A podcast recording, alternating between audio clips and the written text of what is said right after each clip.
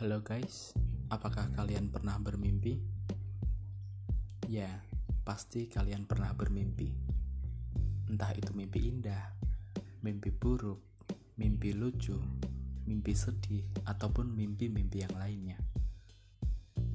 Podcast ini saya awali karena saya sering sekali bermimpi dalam setiap tidur saya.